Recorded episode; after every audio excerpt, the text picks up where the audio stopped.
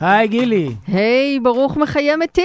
כמעט היה ברוך דיין אמת בחיי, או. במותי, אה, יש כן. דבר. כן, לא היה כיף. היי, שאני אבירם שמקליטה, היי, מאיה בן ניסן שעורכת, היי, מאזינות ומאזינים, איזה כיף להיות כאן. אתם על תרבות יום א', שהוא פודקאסט התרבות של עיתון הארץ, ש- ש... כבר ביום ראשון אה, מסכם תרבותית את כל מה שחשוב לשבוע הקרוב. ומה חשוב לנו בשבוע הקרוב, גילי? חשובה לנו הסדרה שנות הירח. של ועם ובתוך אביב גפן. כן, נדבר גם על בטמן, הבטמן. כן, חוב שלנו משבוע שעבר, סרט שאומנם דיברו עליו גם בשבוע עם אה, ליאור קודנר וגם מדברים עליו הרבה ברשתות, אבל אה, נדמה לי שהוא חשוב מספיק, אירוע קולנועי, הסרט הכי קופתי מאז ספיידרמן, זאת אומרת הסרט שהחזיר, את יודעת כל פעם אומרים, הסופר הירוז מחזירים את האמון בקולנוע, במקרה הזה זה סופר הירו קצת אחר וגם החזיר את האמון בקולנוע, קופתי מאוד ומפתיע לטובה אפילו בכמה שהוא קופתי. אה, נסיים בסיבוב מהיר, ניב. כן, כמו אז, כמו פעם. בימים הטובים. כמו פעם, פעם אז. איזה כן. כיף לנו, יאללה בואי נתחיל. יאללה.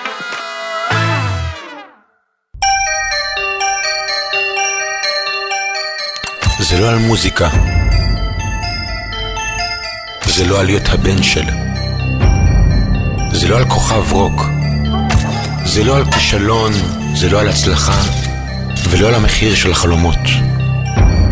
זה על הרגע הזה, שלי ושלכם. כאן, עכשיו. אתה היית ילד דור הירח, ניב? מעולם לא. גם אני מעולם לא. שנינו. אנחנו בגיל. דור ילדי הירח, אנחנו ישבנו במעגלים בכיכר רבין והדלקנו נרות. אבל אף פעם לא הגעתי עם גיטרה והתחלתי לשיר את ושנינו שווים. לא, זה לא קרה לי. ממש לא קרה לי. אבל כן, ניגשתי במידה רבה של סקרנות לשנות הירח, ואמרתי, או שזה יהיה מדהים באופן אפי, או שזה יהיה אסון קולוסלי. ואת יודעת, זה נורא מתבקש שסדרה כזאת תהיה עכשיו uh, בישראל. כאילו, אמרתי לעצמי, לפני שהתחילה הסדרה, אמרתי, זה כיוון טוב לאביב גפן uh, לקחת את הקריירה שלו. כמו שהיה כיוון טוב בשבילו להיות uh, שופט בריאליטי, וכמו שבעיניי הכיוון הכי טוב בשבילו יהיה להיות uh, מארח ב late night, שתהיה לו תוכנית late night, הוא יהיה אדיר בזה. אל תעשי לי פרצופים, את תראי. הוא יהיה מעולה בזה בסלון של אביב, או איך שלא יקראו לזה. אז זה קצת מתבקש, נכון? הרי אנחנו מסתכלים על טלוויזיה שמגיעה מעבר לים, ואנחנו רואים סיפורים אמיתיים משנות ה-90 שהופכים לסדרות, נכון? אז רואים ואוהבים, מה זאת אומרת? פאם וטומי וביל והילרי, וכל הדוקואים, וודסטוק, ומה קרה לג'אנט, ומה קרה לאלניס, איזה כן, נבל כן, זה נוראי לגמרי ארקלי. בזמן. זה לגמרי מתיישב על הציידגייסט הנכון.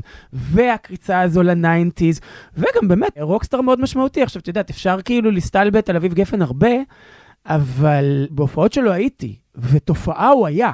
ואת מה שהוא עשה על הבמה, נכון שמוזיקלית הוא היה מאוד שמרן ומאוד מצחיק, גם רואים את זה בסדרה. איזה ילד מרדן שומע את המוזיקה שאבא שלו שומע, מהמם. ומקבל תקליטים מאבא שלו, אתה אמור לשנוא את זה, ולרצות למרוד בזה, אבל לא משנה, אז מוזיקלית הוא היה שמרן, אבל מבחינת הפרפורמנס ומה שהוא הגיש, וכאילו האתוס שלו, היה שם משהו חדש על הבמה, משהו שלא היה קודם, וציפיתי שהסדרה תהיה ככה, ולא כך הוא. לא כך הוא. אמ, תראה, אני שרדתי שני פרקים, לא סתם אה, בחרתי במילה שרדתי, זה היה קשה, וזה היה מביך. ומב- לפרקים. לפרקים, ואני חושבת שלסדרה יש כמה בעיות, בראשן התחושה של אביב גפן שהוא חייב להיות שם. כאילו הייתה לי מין הרגשה שהוא מבחינתו טרגדיה שהוא לא יכול היה ללהק את עצמו לתפקיד הראשי, כי אם נוכחותו הייתה מסויגת יותר, למשל לא היה את ה-voice over התמיד כמעט מיותר, בכל סדרה, אפילו בסיפורה של שפחה, כן? ה-voice over הוא כלי לא טוב, הוא גם אה, מאלץ נוכחות. ובמקום שאני חושבת שאפשר היה לקחת צעד אחד אחורה ולא להסתכל על זה בצורה שבה אביב גפן מגיש לנו את זה. זה יותר מדי, פשוט יותר מדי אביב גפן. אני חושב שזו הערה בונה, כלומר ביקורת אה, קונסטרוקטיבית במובן הזה שאביב גפן מנכיח את עצמו יותר מדי, לא רק עם קולו שלו, אלא גם בהתעקשות שלו לכתוב את התסריט.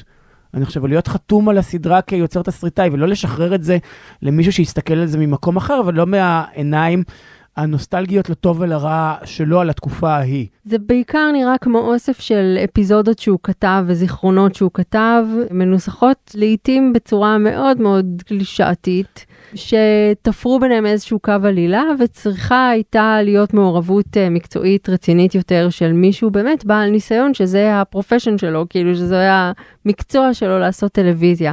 ויכול להיות שמסתתר פה מוח תסריטאי שצריך איזה fine tuning, אבל התחושה שלי היא שזה היה כל כך גס.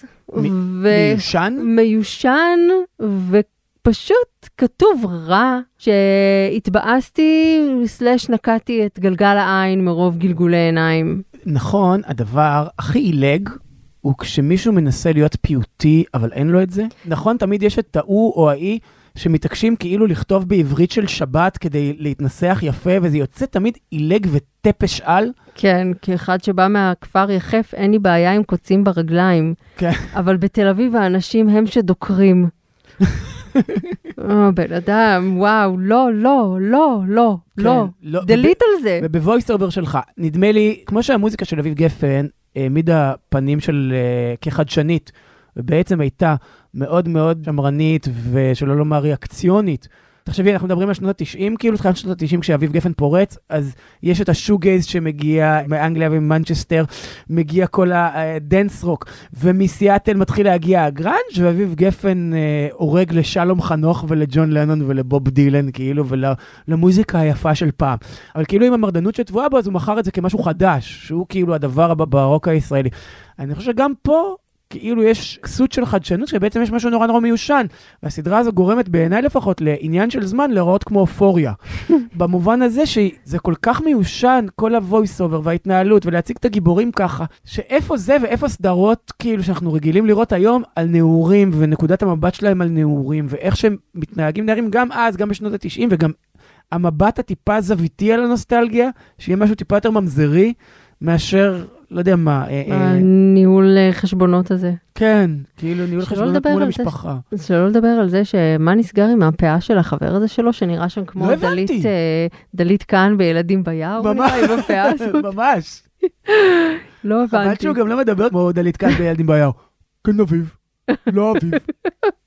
מה אתה רוצה, אביב? אני אגיד לך, אבל מי הכי מצחיק בסדרה הזו? מי? הדמות- יותר אפילו מהחבר עם הפאה הלא ברורה והלא דרושה הזו. מאוד מוזר זה. הרי גם אם נגיד היה לו שיער קצר, או גלח, או לא משנה מה, או שיער מדובלל, זה היה עובר, כי אנחנו לא מכירים את האיש הזה, ואנחנו לא מבינים למה צריכה להיות לו פאה. פאה מאוד מאוד נוכחת. היא מכריזה על עצמה, פאה אני. כן.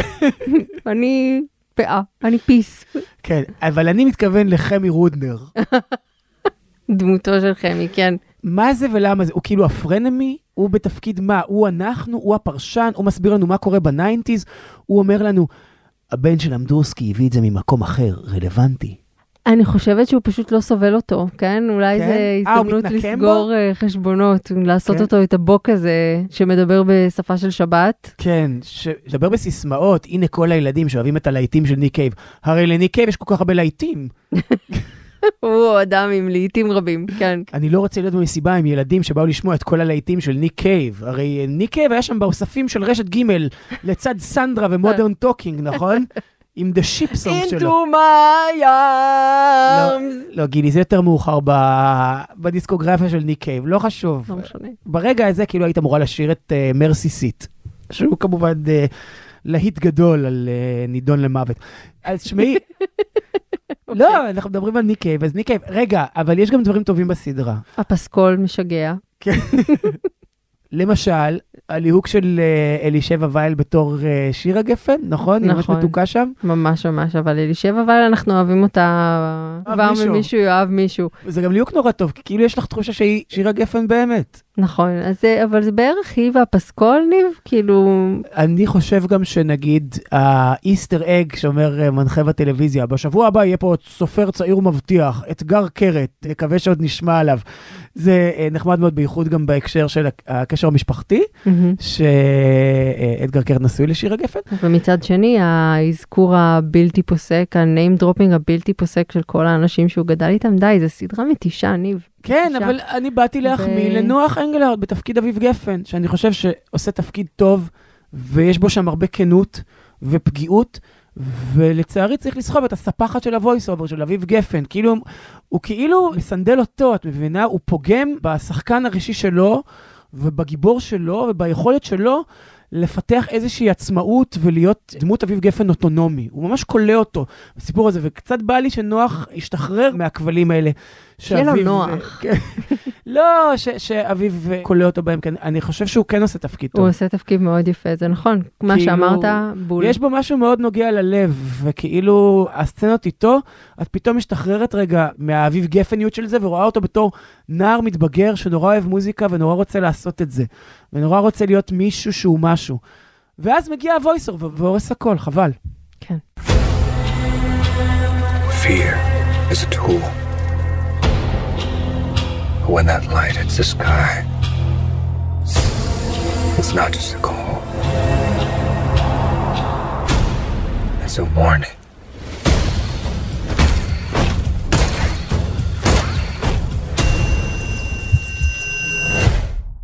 בסוף השבוע שעבר שעבר, על, על מסכי הקולנוע בארץ, הופץ בתיאטראות... אה, אחד מהם, כן. כן, הסרט בטמן, בוודאי שמעתם עליו, בבימויו של מאט ריבס, אה, מי שביים אה, בעבר את כוכב הקופים, שניים מסרטי הסדרה ההיא, ובכיכובו של רוברט פטינסון, האיש שהתחיל את הקריירה הקולנועית שלו בתור ערפד, ועכשיו הוא עטלף, זו איזושהי אבולוציה. בדומדומים. כן, ואנחנו לצורך שיחה מעמיקה על הסרט הזה, שתכלול גם ספוילרים. הנה, כבר אנחנו אומרים מראש, נכון?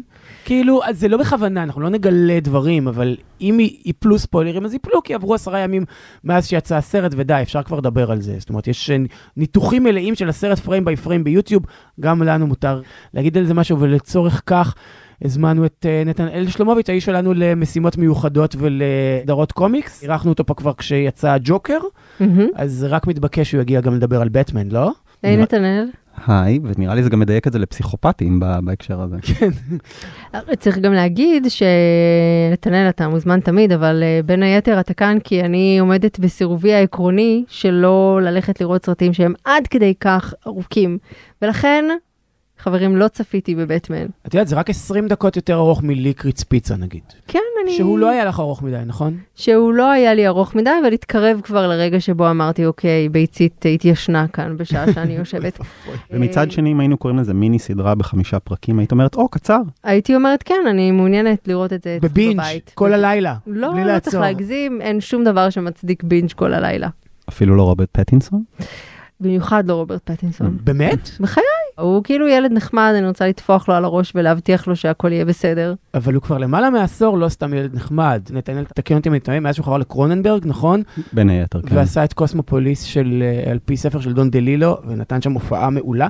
ראיתי? אותו בטנט, טנט, כן. טנט לאחרונה. אפרופו בטמן, הוא היה אצל כריסטופר נולן גם, כן. והוא היה אצל האחים ספדי. הוא שחקן מצליח, אפשר לומר. הוא גם שחקן מצליח והוא גם שחקן מוצלח, משום שהוא כל כך נשבר לו מהדמות שלו בדמדומים, שהוא הלך ועשה עשר שנים בגישת סטיבן סודרברג, אחד בשבילי, אחד בשבילכם, אחד איזה מין אה, שובר קופות, ואחד סרט אינדי שבו אני יכול אה, אני לעבוד עם אקח את במאי שאני אוהב. הלסת המרובעת שלי, ואני אשים אותה בכל מיני מקומות. צריכים לסת מרובעת? אני האיש שלכם. אם אנחנו כבר מתחילים מרוברט פטינסון, אז אה, איך הוא בשבילך בתור בטמן, נתנאל? מבחינתי הוא אחלה. כן? כן, אני חושב שהוא מצטרף, אה, אפילו הייתי אומר, הייתי שם אותו בטופ. לא הכי גבוה שאפשר, יש פה מבטים שאנשים שמאזינים לא יכולים לראות, אבל אה, מייקל קיטון, קריסטיאן בייל, ולדעתי הוא מצטרף אליהם כשלישייה מאוד אה, מעניינת. אני חושב שצריך לעשות פה את ההבדלה בין בטמן לברוס וויין. כי. נגיד, קריסטיאן בייל הוא נורא טוב בתור ברוס וויין, משום שהוא מתעל את הפטריק בייטמן הפנימי שלו, את הפסיכופת האמריקאי שיכול להיות מיליונר פלייבוי נהנתן. אבל בתור בטמן הוא כזה, look at me, וכאלה, כאילו קצת, קצת הוא יותר... גם הרס לכולם. כן. כולם עושים את הקול הזה מאז. זה, בדיוק, אז גם אפלק פתאום עושה את נכון. הקול הזה, נכון? אפלק הוא, זה, זה שגיאה שהפלת. איכשהו קרה, והיה מאוחר מדי לבטל, זה ברח לו בצוק איתן, לא יודעת איך זה קרה הדבר הזה בין אפלק שם. חמק לו. למרות שהוא היה- זה הוא היה מאוד מוזר. הוא היה אמור לביים ולככב בזה, ולמרבה המזל הגירושים שלו מנעו את זה או משהו, לא? כן. הגירושים האלה שללו. עוד, עוד האלה. פרידה מתוקשרת של אה, בן אפלק. בואו נתחיל מההתחלה, בסדר? אני חושב בתור בטמן, כבטמן, הוא הכי טוב. זאת אומרת, אף אחד לא בטמן כמוהו, בעיניי. פטינסון? כן.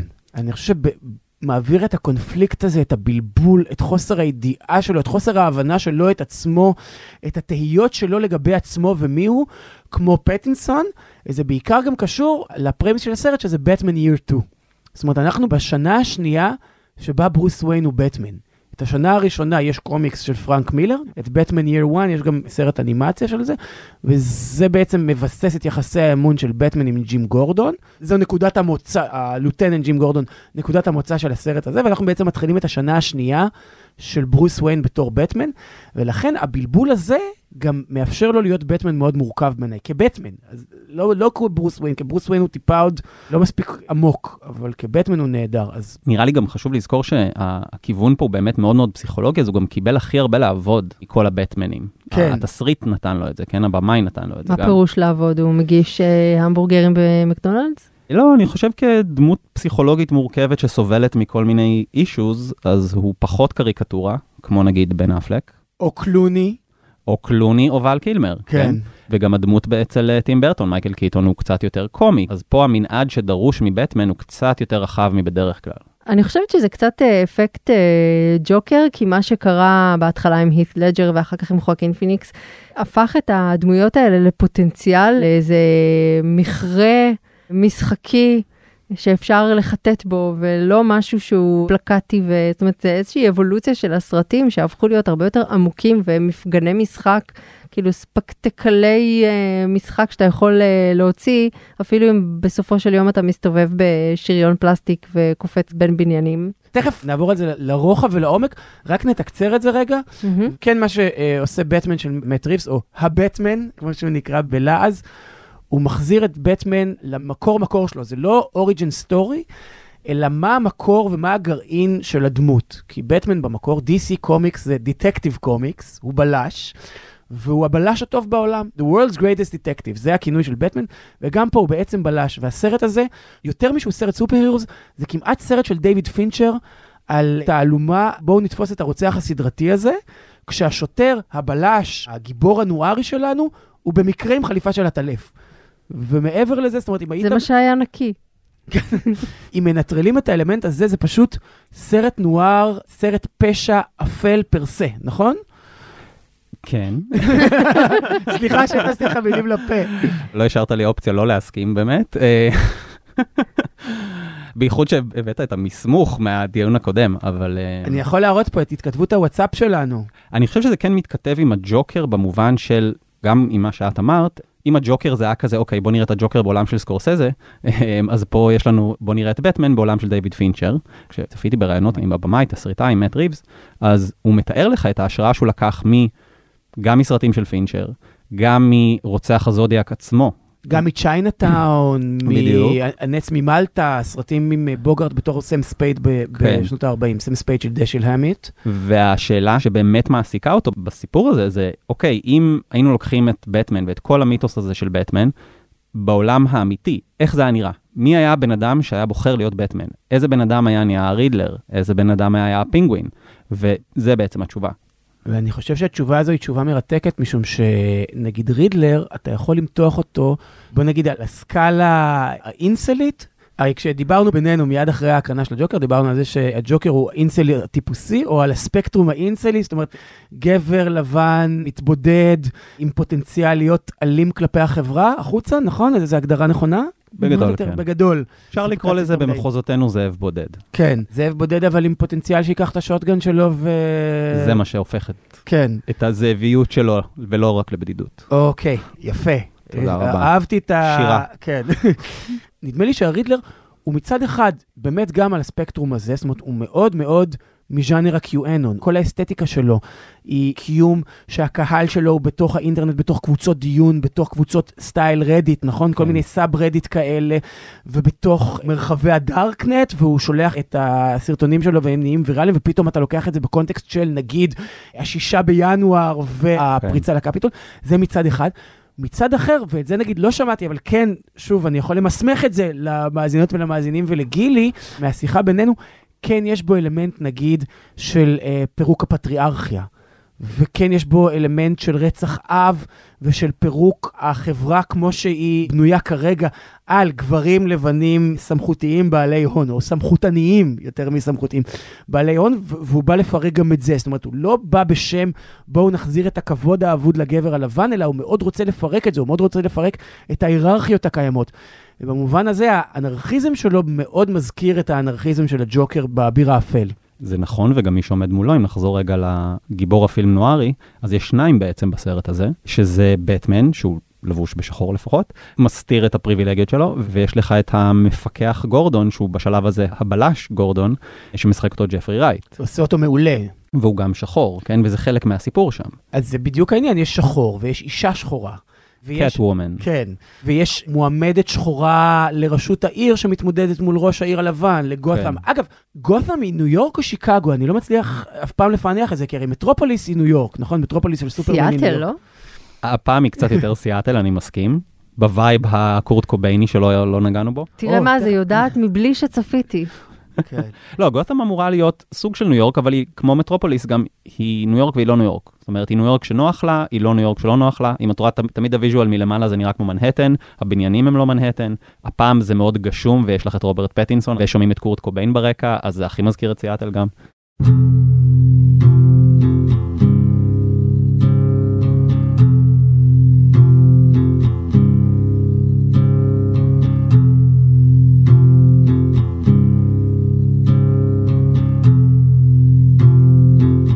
אמרת קורט קוביין, בוא ניגע בזה רגע, משום שלפני ה- הסרט, אז דיברו על זה שרוברט פטסון נהיה אימו בטמן, הוא לא אימו בטמן, הוא קוביין בטמן לגמרי, גם כבטמן וגם כברוס וויין. כן, זה, זה די מדהים, האמת שהוא כהשראה מוצהרת לדמות של ברוס וויין, הוא לקח את קורט קוביין. כן, זה קצת כמו שנגיד ג'וני דפ בצ'ארלי והשוקולדה לקח את מייקל ג'קסון, וממש תיעל אותו לדמות שלו. אני אומר עכשיו טפו על אחד וטפו על השני, כן?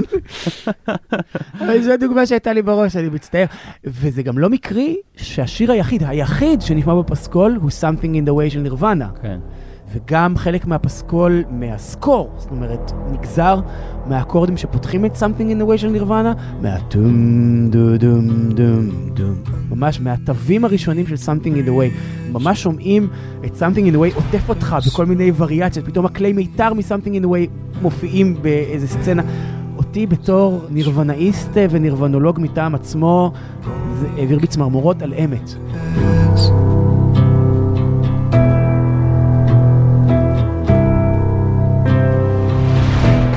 טוב, זה נשמע מאוד מבטיח מה שאתם uh, מדברים פה ביניכם, ואני מודה שזה קצת עושה לי חשק, אבל אני רוצה לשאול שתי שאלות שנשאלו שוב ושוב, ואפילו הוטחו כהכפשה.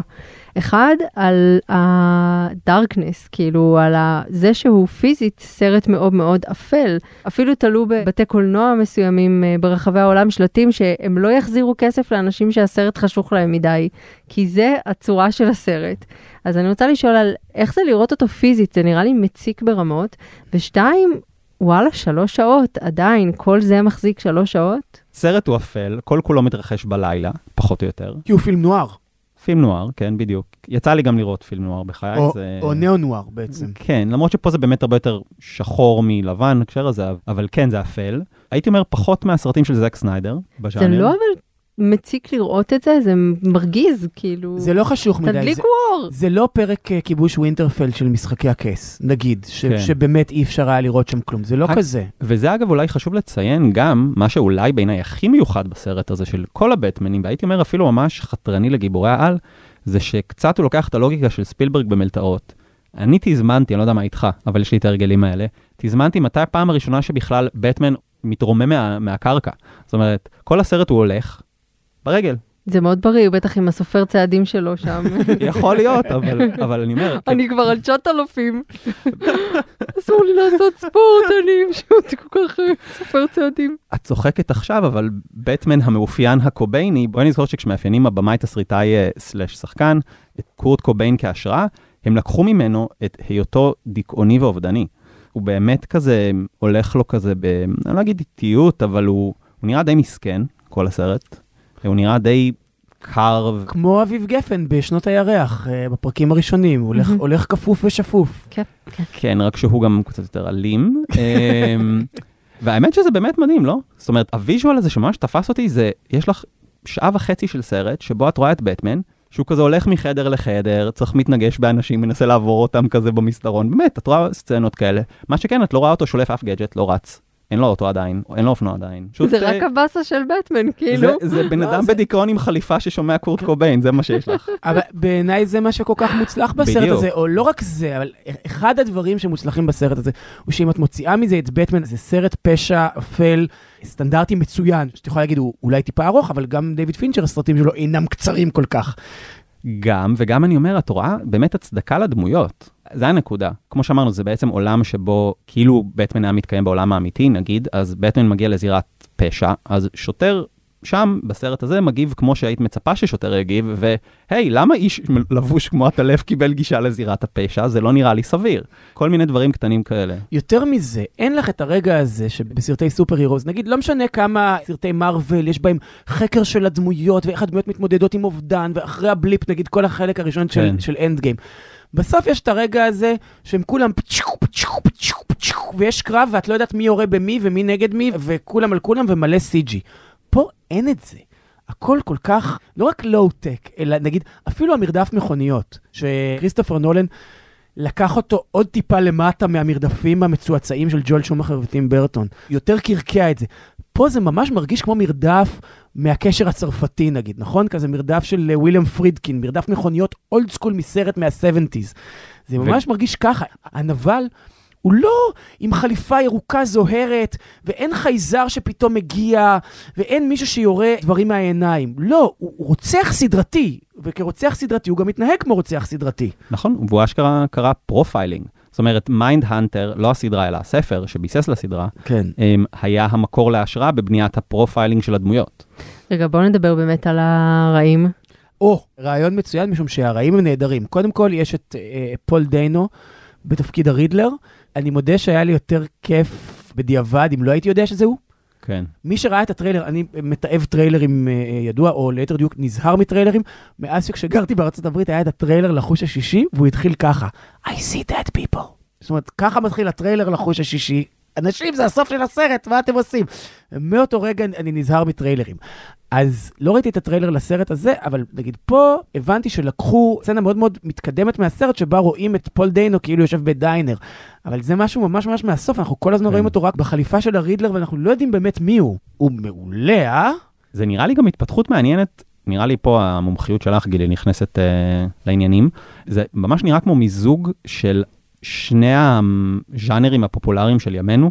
נכון? יש לנו גיבורי על ויש לנו טרו קריים, שעשה סדרת חינוך לכל המין האנושי פחות או יותר שצופה בנטפליקס על הפתולוגיה של כל הרוצחים האלה. ובגלל שכולנו מכירים רוצחים סדרתיים כל כך טוב, כי ראינו עליהם כל כך הרבה פעמים בנטפליקס, אז יש לך פה דמות שבנויה לפי המודל הזה. זאת אומרת, הוא נראה לך אמין כאילו הוא היה יכול להיות בטרו קריים.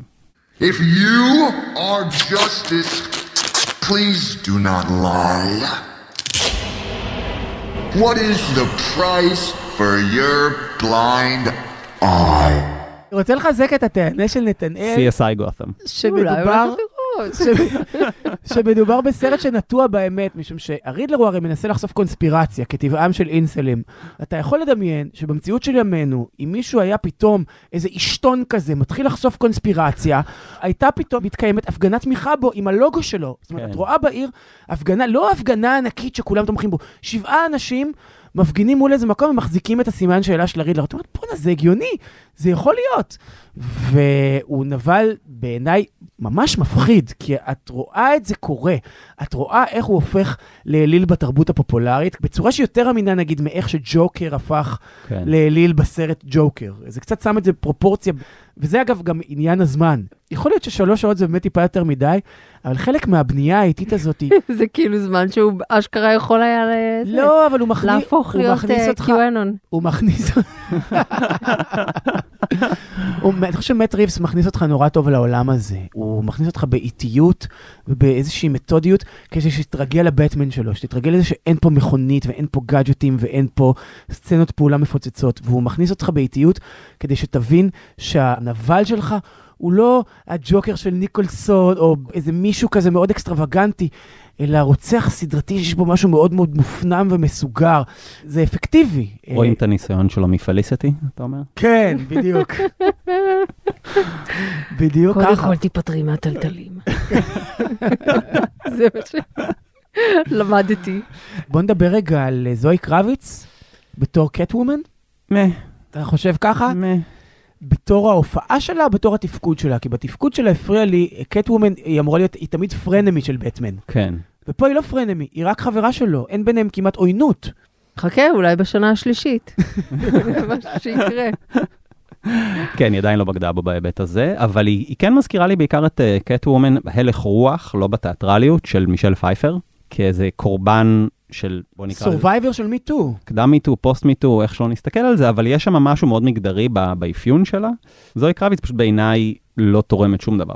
זאת אומרת, היא לא... היא לא מביאה שום דבר מזוהי קרביציותה לסיפור הזה. או ממשהו אחר. בניגוד נגיד לקימי שנדבר עליו תכף, עוד סרט שהיא מככבת בו, נדבר עליו בסיבוב המהיר.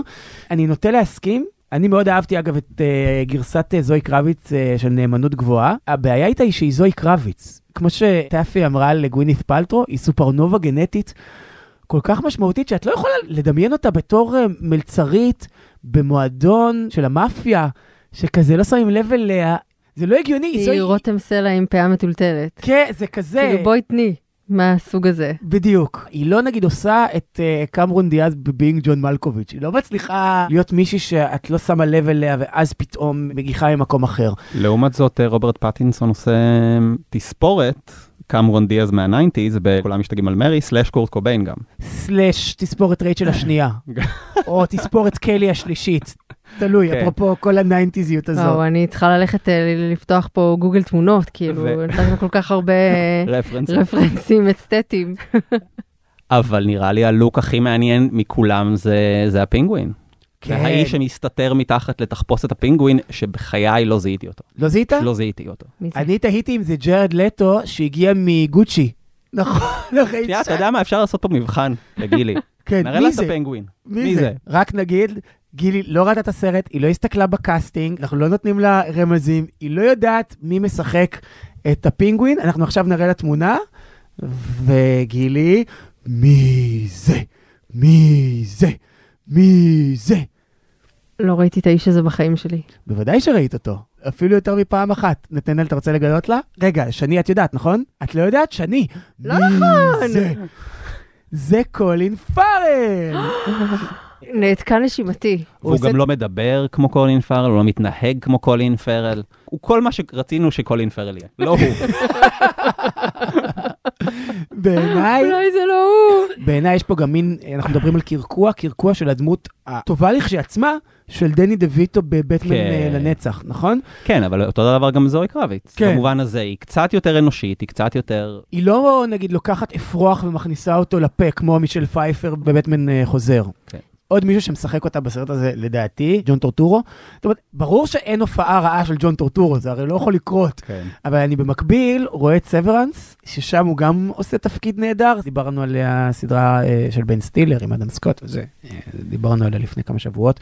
באפל פלוס כדאי מאוד לראות, אז נורא מעניין לבדוק ג'ון טורטורו אחד מול ג'ון טורטורו שני, הוא, הוא משחק את קרמיין פלקוני, דמות המאפיונר המיתולוגית מהקומיקסים של בטמן, הם גם אה, רואים אותו לשנייה נגיד באביר האפל, לדעתי שוברים לו שם את היד, נכון? כן. טוב, אני עדיין לא התקרבתי להכרעה אם ללכת או לא ללכת, אבל uh, אולי תעזרו לי בזה ותדרגו את הסרט.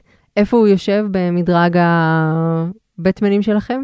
היה לנו את הבטמן של טים ברטון, נכון, עם הג'וקר של ניקולסון, כן. זה היה ב-89, אחרי זה היה לנו את בטמן חוזר, גם עם אה, מייקל קיטון, גם טים ברטון, עם מישל פייפר ודני דויטו וכריסטופר ווקן, כן, והבטמן השלישי היה כבר, והרביעי היה ג'ול שומאחר כבמאי, שלקח אותו למקומות מאוד מאוד קאמפים. זו דרך אחת לתאר את זה, כן. כן, לא, אתה יודע, בשבתו כג'ואל שומאכר, חברו הטוב של הלסטון, כאילו, משם הוא מגיע, זה מה שהוא עושה, ג'ואל ש- שומאכר הוא קמפיסט ידוע. זה לא מסביר את הרביעי, אבל בסדר. לא, בטמן אמ, ורובין, שהוא, אנחנו יכולים להגיד, הכי גרוע בסד... כן. בהכל בכלל, אולי אחד הסרטים הגרועים בהיסטוריה, אני מחקתי אותו ולא זכרתי בכלל, ראיתי אותו. אבל הוא גם אמ, סרט מאוד משמעותי, משום שלאחריו אמרו, אוקיי, אנחנו יותר לא ניתן למעצבי תלבושות לביים אה, סרטי קומיקס, בואו ניתן לבריין סינגר לביים את לא רק X-Men." זה, בטמן ורובין היה כל כך גרוע, שחברת מארוול הייתה צריכה ללכת מאולפן לאולפן בהוליווד בניסיונה למכור את X-Men וספיידרמן לסרטים, ואמרו להם, לא, אנשים כבר לא רוצים גיבורי על. כן. זו הייתה התשובה אז, זה- בגלל הסרט הזה, עד כדי כך הוא היה גרוע. אחר כך מגיע קריסטיאן בייל, נכון? עם השלישייה עם שלו. טרילוגיית האביר האפל של נולן, ועכשיו יש לנו את, היה לנו גם את בן אפלק. כן, ו- ליגת הצדק, שזה לא חייבים. אי שם ליד אה, בטמן ורובין. כן, אה, ובטמן נגד סופרמן, שגם כן. שלו. בתוך הסניידר cut, מחוץ לסניידר cut, נורא עם ואיום. בטמן לגו movie, בלי בטמן לגו movie. וויל ארנט, כן, בתור בטמן. קשה לדרג, קשה לדרג. אם אנחנו רוצים לדרג את הסרטים, בעיניי, תראה, גם כשלוקחים את הטרילוגיה של נולן, זה בעצם האביר האפל. כי בטמן Begins הוא סרט נחמד, הוא אקספוזיציה טובה, ועלייתו של האביר האפל זה בלגן אחד נוראי ולא מאוד קוהרנטי. הוא לא הגשים את הפוטנציאל שהאביר האפל אה, יצר, בעיניי. וגם אצל אה, טים ברטון, ראיתי בסוף השבוע את אה, בטמן חוזר, זה נורא יפה, אבל זה תיאטרון, גילי. זה אנחנו זה- יודעים מה אנחנו חושבים על זה- התיאטרון. זה תיאטרון, יש יש סצנה שבה... זה אהוב עליי אבל. אני מה. בטמן חוזר? כן. אתה אוהב את הסצנה שהם עומדים אני כריסטופר אוהב את כל ווקן, הסצנה. כריסטופר ווקן, מישל פייפר ומייקל קיטון עומדים, ואז כריסטופר ווקן אומר לדמות של מייקל קיטון, ברוס וויין, מה אתה עושה? אתה לבוש כמו בטמן. ואז מישל פייפר אומרת לו, he is Batman, you moron. ואז בטמן מסתכל על השעון שלו, אוי חברים, אני עוד לא ספרתי את כל הצעדים שלי, טה-טה. רגע, אז בוא נדרג, אתה הכי אוהב את אה, בטמן חוזר? כן. אחריו האביר האפל, או הבטמן, או החדש. מבחינתי שנה, אני גם, יש לי הטיה מאוד ברורה, זה תפס אותי בגיל מאוד מסוים בחיי, חשוב לי לציין. כן. אה, וזה זיכרון מתוק מאוד, ושני הסרטים האלה הם אצלי בטופ. שונים, כן. הראשונים של ברטון? ואחריהם הייתי מוסיף באמת את האביר האפל, ופה הייתי מכניס אותו כמספר 4. אני חושב שהאביר האפל הוא הכי טוב, שוב, משום שהוא הוא הישג קולנועי מעבר להיותו בטמן. Mm-hmm. אני חושב שההופעה של הית' לג'ר שם היא, היא בעייתית, משום שהוא הרס לכולם. אף אחד לא יכול יותר לעשות ג'וקר, כולל חואקין פיניקס שקיבל על זה אוסקר. אני חושב על זה עכשיו. בסדר, זה היה סרט טוב, זה הצליח, היה בו משהו מעניין, אבל הית' לג'ר הרס לכולם, וההופעה הזאת היא כל כך טובה, והסרט הזה הוא כל כך טוב, שהוא מדורג אצלי ראשון, אחריו אני שם את, את החדש, את אני- הבטמן של בית ריבס. בכמה שנהניתי ממנו, פשוט נהניתי.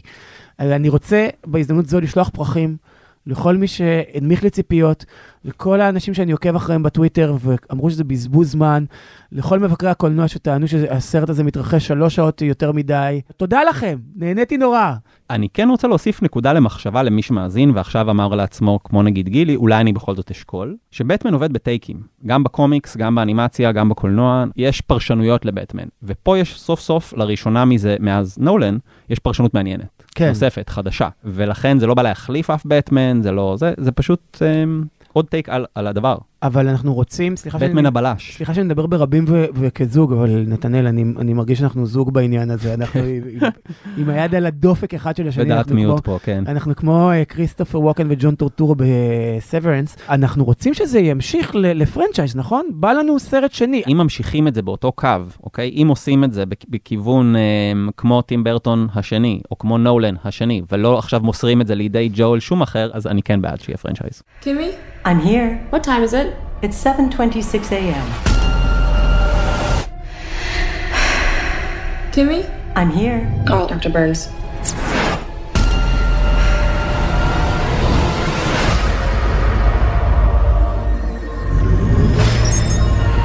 I got her. קודם היינו בזוהי קרביץ שקצת מאכזבת בתור אשת החתול, אבל בתור אה, האקרית מתבודדת היא לא רעה בסרט קימי, נכון?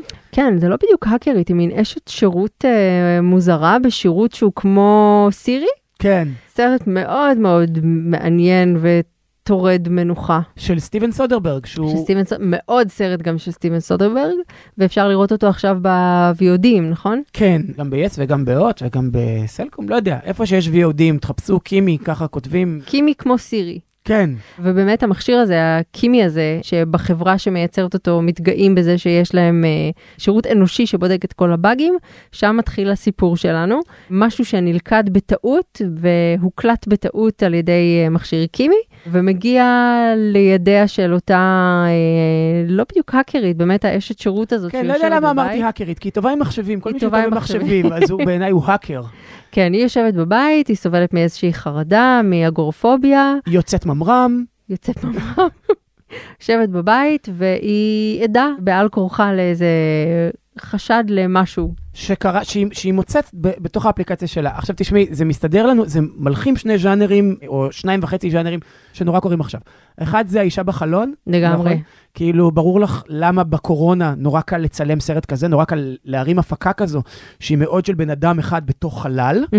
אז זה מצד אחד. מצד אחר, יש פה את עניין הפרנויה בעקבות הרשתות החברתיות, ואתה נתון למעקב, וסנודן, וכולם יכולים דרך האפליקציה לעלות עלינו, וביג טק עם הדאטה שהם קוראים מאיתנו. וגם מה אתה יודע מהדברים האלה, מה גלוי בפניך, האם אתה יודע את כל האמת, האם אתה מכיר את כל התמונה. וזה מלחים את זה לאיזושהי אסתטיקה של פרנויה שנות ה-70 כאילו זה כן. אה, מתכתב עם זה, עם נגיד יצרים של אנטוניוני והשיחה של קופולה, ואפילו התפוצצות של בריאן דה פלמה, שהם כולם סרטים של מישהו שחושב שהוא אולי רואה משהו במסגרת העבודה שלו, צלם שאולי במקרה תפס רצח. סאונדמן שאולי במקרה שומע רצח בהקלטה שהוא מקליט בגשר, איזשהו בלש פרטי שחושב שהוא מוצא משהו ופתאום נכנס לאיזושהי פרנויה, בגלל שהוא אולי עלה על משהו שהתרחש במסגרת עבודתו. וגם תמיד הם דמויות שהם מספרים, או הם גיבורים שהם לא במאה אחוז אמינים. כן, מה מתוך זה כי הם קצת קשור... מתבודדים כאלה. כן, מה מתוך זה קשור לאיזה פסיכוזה שהיא סובלת ממנה? מה מתוך זה קשור או לא קשור בכלל לזה שהיא בעצמה סובלת ממשהו, שיש לה טראומות עבר? זה כאילו כל הסיבות לפקפק בתהליך הסקת המסקנות, אבל זה תופס אותך וסוחב אותך פנימה, אתה לא יכול להפסיק לצפות בזה. ובניגוד לבטמן, שעה וחצי נגעת נסעת. כן, זה כיף. איך היא אוהבת. דברו איתי בקצר, אין לי שלוש שעות עכשיו, אין לי קשב לשלוש שעות עכשיו, למי יש? אבל למה יש לך זמן? לקחת אותי לנפולי, נכון? לקחת אותך לנפולי בהמלצה הבאה שלנו, שהיא המלצה עם סימן שאלה. כי העונה השלישית, החדשה של החברה הגאונה, היא גם אה, מבוססת על הספר השלישי שנחשב לחוליה החלשה בתוך הרומנים הנפוליטניים. לא קראתי, רק ראיתי את שתי העונות הראשונות שהן אחלה. שהן היו מדהימות. וזו גם העונה הראשונה, זאת אומרת השלישית, היא העונה הראשונה שלא ביים אותה הבמאי שביים את שתי העונות הראשונות, שגם כתב אותן. הבנתי, כלומר, זאת אומרת, זה כבר לא החזון ההוא, זה חזון אחר. נכון, הוא היה מאוד מאוד מעורב בכתיבה של העונה החדשה, הוא לא ביים אה, מסיבותיו האישיות. צפיתי בשני הפרקים הראשונים, זה שני הפרקים שהצלחתי לצפות בהם בינתיים. הייתי קצת מסויגת. הייתה לי כן? הרגשה באמת שאולי השפה היא לא במיליון אחוז מה שהתרגלתי, ואולי אני סתם יותר מדי אה, חוששת פה. אני אמשיך לצפות, ברור, כי פשוט שתי העונות הראשונות היו מעולות. ויש לי גם, אתה יודע, את הרגש הזה לרביעייה הנפוליטנית. אבל כן, זה ככה, אני עוד, עוד לא במאה אחוז בטוחה שזה טוב כמו השתיים הראשונות. וגם כדי שתוכלי להגיד, הספר היה יותר טוב, אמנם הספר הוא החוליה החלשה, לא, השלישי, להפך, אבל... אולי אני אה, יכולה להגיד, הספר פחות, הוא באמת אתגר את היוצרים, אבל יפה שהם הצליחו לי- להתגבר על כל הקשיים האלה. מצוין, אז אני מחכה שתסיימי לראות ושתגיד לי, אבל אני גם מתכוון לראות, כי מאוד אהבתי את שתי העונות הראשונות, זה חוסך לי את הקריאה. זה ממש סדרה מעולה, באמת, העיבוד הזה מעולה, וכשהוא נבחר, סבריו קוראים לו, כשהוא נבחר לביים את- הסדרה, אז היא היה בחרה בו ממש- בעצמה. היא בחרה בו בעצמה, נכון, והיה אליאנה ממש. תדהמה, כאילו, בעולם של מה פתאום היא בוחרת בבמאי הכמעט אנונימי הזה. ידעה מה היא עושה, היא ידעה בול. או הם ידעו מה הם עושים. או הוא, כן, מי יודע, מי... מי יודע. מי אה, אלנה פרנטה. בואי נסיים עם אה, המלצה לאלבום יאללה. של טון. T-O-N-E, כותבים את זה באותיות גדולות, הוא מה שאנחנו אוהבים לכנות בהשראת אבי הזמר סינגר סונגר. תורן. כן, לאלבום שלו קוראים So I Can See You. תשמעי, זה מעדות אה, דין בלנט כאלה, זאת אומרת, אה, סינגר סונגר, אבל עקום קצת דין בלנט, זמר יוצר. שחור שהיה פה, שכאילו יש לו ביטים וסימפולים, אבל עליהם הוא, הוא מלביש, את יודעת, שירים אה, מסביב למדורה, שאפילו אביב גפן אה, היה יכול לחתום עליהם. זה אחלה אלבום, יש בו משהו גם קצת שחור, כיאה למורשת התרבותית שלו של טום, אבל גם איזה מין אה, משהו כמעט פולקי אינדי כזה, נראה לי שתאהבי. ואגב, אם אנחנו כבר מדברים על דברים שתאהבים, גילי, יצא אלבום חדש לביץ' האוס. יצא אלבום חדש לביץ' האוס. once twice melody, את אוהבת? והוא מעולה, ניב, הוא מעולה, והוא לא סתם. מעולה, הוא גם אה, דורג באחד הנמכרים ביותר במצעד של הפיל. כן, הבילבורד, אמרת נכון. אמרתי נכון? את לומדת, אני כל כך מתרגש. אני יודע מתי פרס ספיר, ואת יודעת להגיד בילבורד. ניב, זה meant to be. זה כל כך מרגש, אנחנו חייבים להמשיך עם הפודקאסט הזה עוד, אני אומר לך. בייחוד אם אנחנו בריאים. רק בריאות, גילי, באמת, רק. בריאות. אינשאללה. אנחנו כאלה זקנים שאנחנו אומרים את זה, אבל זה כל כך נכון, רק סבא ש- וסבתא רק שזה שלכם. נלקח ממך, אתה יודע כמה רק חשובה היא הבריאות.